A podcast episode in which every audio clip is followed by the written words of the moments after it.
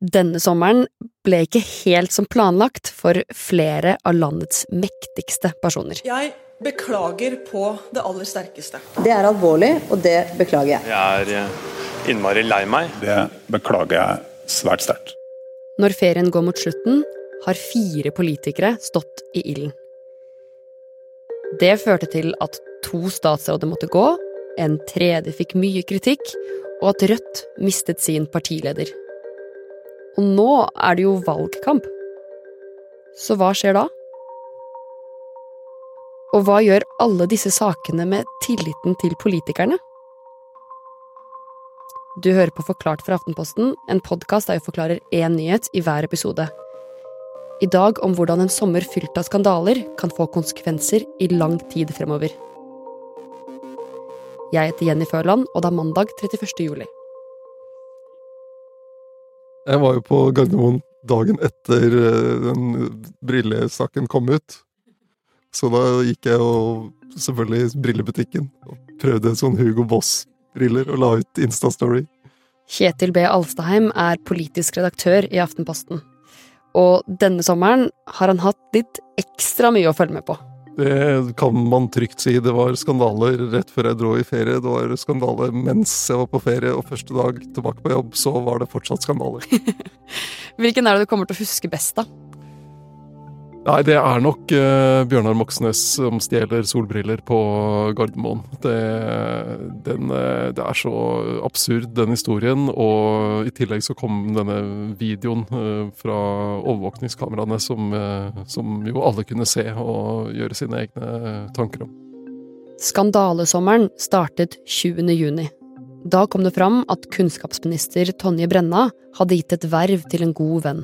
Jeg har håndtert habilitet for seint og for dårlig. Det har ført til at jeg har gjort flere feil. Og allerede dagen etter så kom en annen statsråd fra Arbeiderpartiet på banen. Som statsråd så er du helt avhengig av å ha full tillit. Og jeg ser at dette jeg nå har fortalt dere, ikke er særlig tillitsvekkende. For kulturminister Anette Trettebergstuen hadde også utnevnt venner til viktige verv. Jeg har derfor orientert statsministeren om at jeg tar konsekvensen av mine feil og går av. Og så, nesten nøyaktig én måned senere, havnet enda en minister i trøbbel. Ola Borten Moe har jo vært aktiv uh, utenfor politikken, uh, mens han hadde en pause fra politikken, i et oljeselskap som heter Okea. Uh, og så solgte han noen aksjer derfra og fikk en del utbytte, så han fikk ganske mye penger inn på konto. Ja, denne saken er litt komplisert, så hvis du vil vite mer, så har vi laget en egen episode om det. Men kortversjonen er at Ola Borten Moe kjøpte aksjer i bl.a. Kongsberg Gruppen. Og problemet her var at han satt i regjeringen. For en uke etter kjøpet satt han i et regjeringsmøte. Der ble en milliardkontrakt, som Kongsberg Gruppen skulle tjene mye på, lagt på bordet. Eh, det var ei, eh, ei forferdelig feilvurdering av åpenbare årsaker. Det skal jeg gå, komme litt inn Og det endte med at Ola Borten Moe måtte gå av som forsknings- og høyere utdanningsminister. Det er ikke mulig å sitte som eh, statsråd og rydde opp i det her uføret som jeg selv har eh, påført meg sjøl og regjeringa. Eh, både saken til Brenna og Trettebergstuen er jo alvorlige i, fordi dette handler om habilitetsregler regler som er viktige for å sikre den tilliten til eh, beslutninger som tas av eh, de som sitter på toppen og styrer. Og så er Ola Borten Moes sak også alvorlig. Den er litt annerledes fordi han, han gjorde ikke Han kjøpte ikke disse aksjene som sjef i departementet. Det var liksom en hobby han hadde, hadde på si. Eh, men han brøt jo habilitetsregler, og han brøt regler for eh, aksjehandel, som gjelder for politisk ledelse i, i departementene. Eh, og så er det et spørsmål om hvorvidt han har brutt reglene om innsidehandel i tillegg. Hvis det skulle være tilfellet, så blir jo saken vesentlig mer alvorlig. Kjetil, hvordan vil du beskrive denne sommeren sånn overordna? Det har jo da vært en skandalesommer med fire sånne uh, saker. Uh, tre i regjering og én i et opposisjonsparti. Så det har jo preget den politiske journalistikken, uh, og det rett før en valgkamp.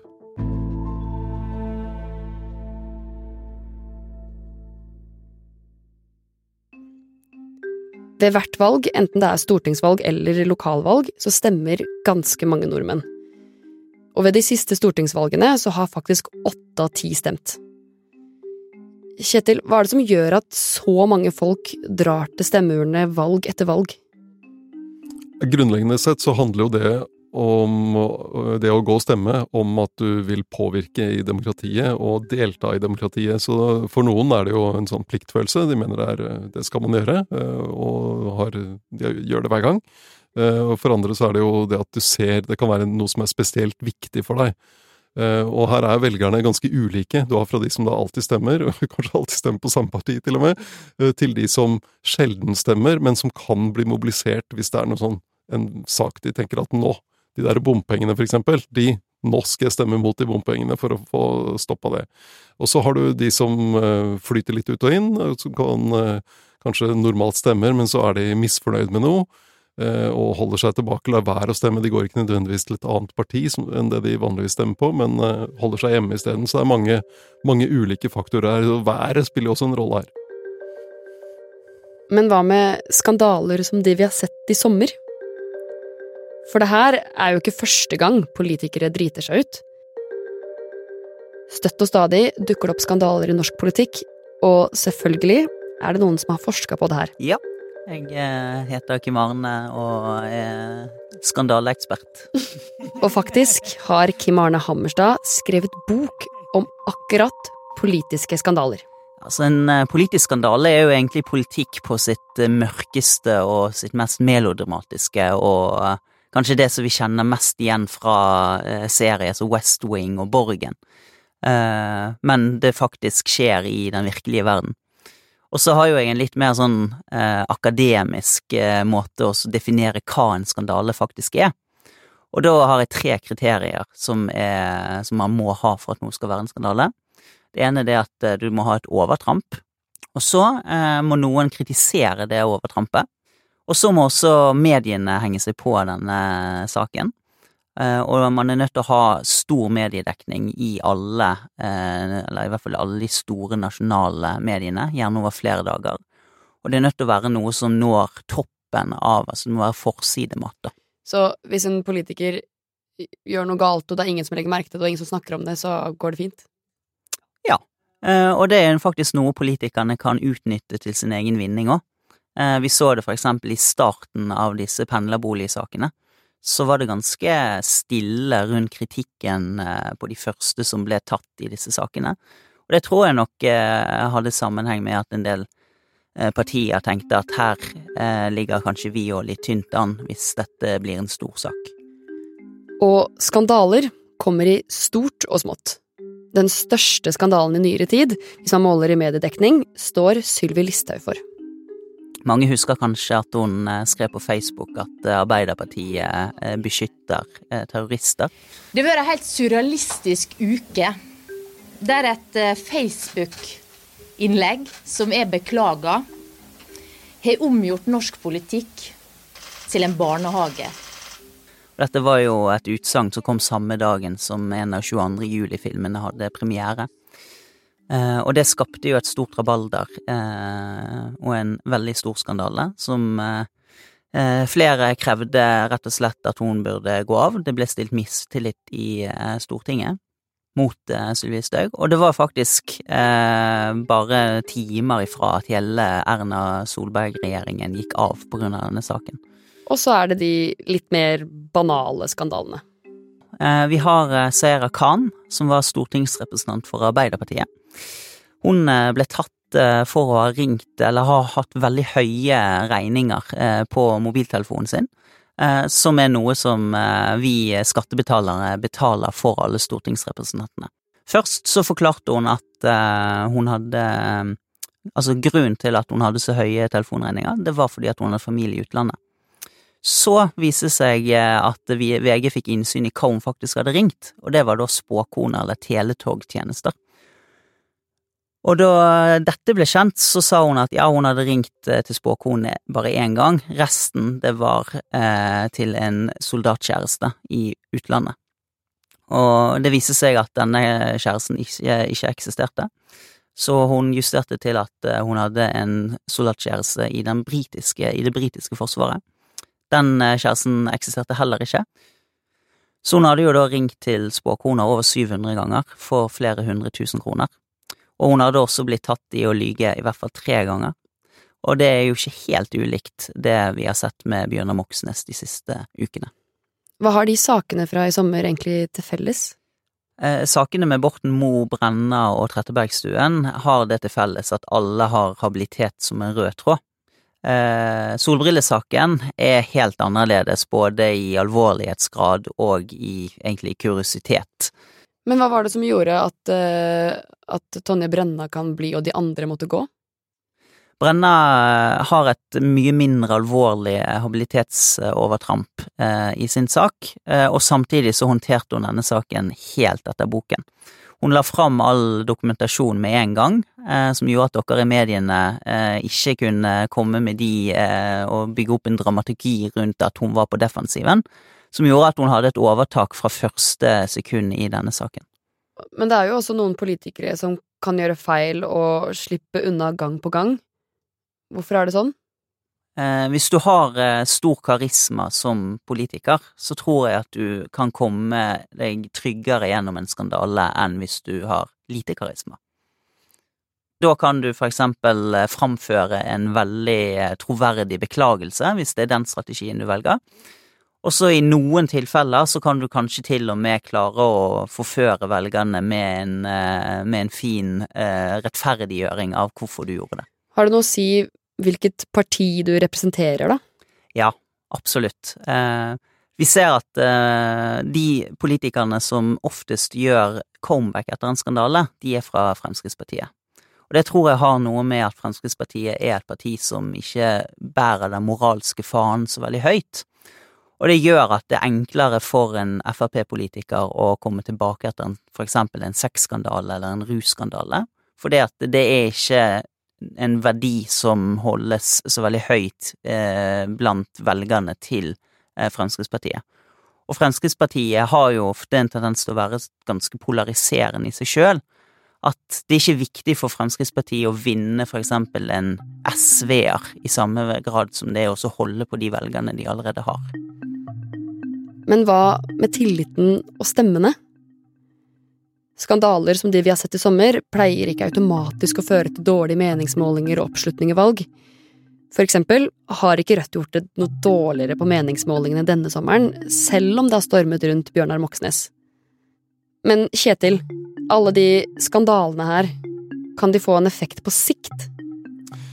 Hvis det påvirker tilliten til det politiske systemet, så at det svekker svekker tilliten til demokratiet vårt, så kan det jo ha en eh, betydning. ved at eh, Hvis folk tenker at det spiller ikke noen rolle om jeg, spill, eh, om jeg stemmer, eller uh, at de ikke har har tillit til at, at, politikerne vil forvalte den makten de får, på en god måte.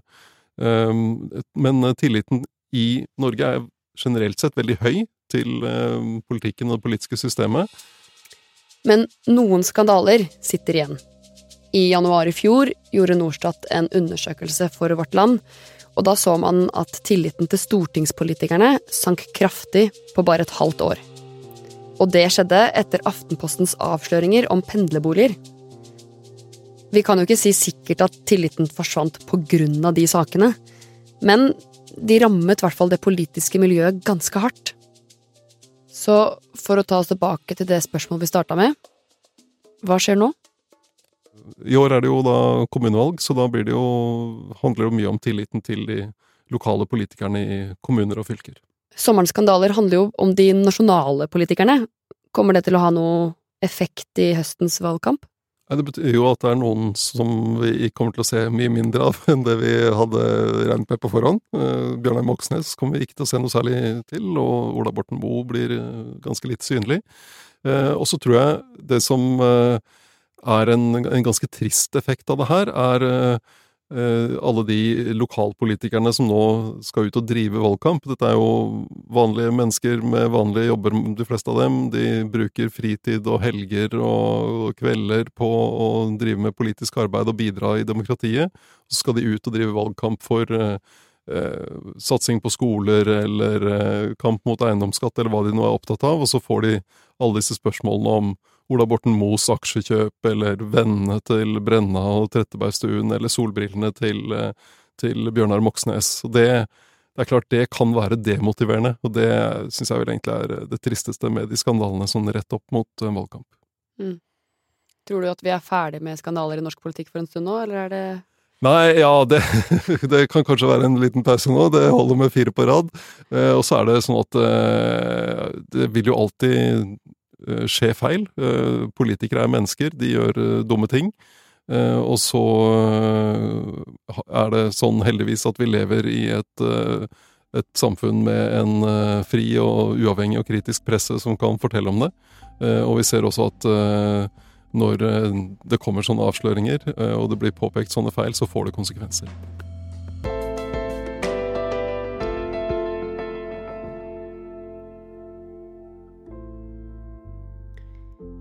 Du har hørt en podkast fra Aftenposten.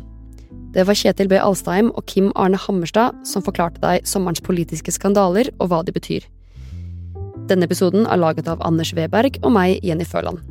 Resten av Forklart er Synne Søhol, Fride Neste Onsdag og Olav Eggesvik. Du har hørt lyd fra VGTV. Det finnes spørsmål som ikke er så enkle å google seg fram til. Typ renta. Hvorfor må den absolutt opp, opp, opp? Altså, Finnes det ingen andre løsninger? Og hva skjer med oss og samfunnet når vi vurderer å rate hverandre hele tida? Og hvorfor straffer vi folk til fengsel selv om de ikke gjorde det med vilje, som han vaktsjefen på fregatten Helge Ingstad. Hva er poenget? Jeg heter Marit Eriksdatter Gjelland, og i podkasten Dypdykk nerder jeg kollegaene mine på tema som former tida vi lever i. Mest fordi vi er genuint nysgjerrig og fant ingen gode svar da vi googla, men også for å gi deg en helt ny innsikt og ta med til bordet neste vennepils. Sjekk ut Dypdykk i Aftenposten-appen eller hos Podmy. Ny sesong kommer onsdag 23. august.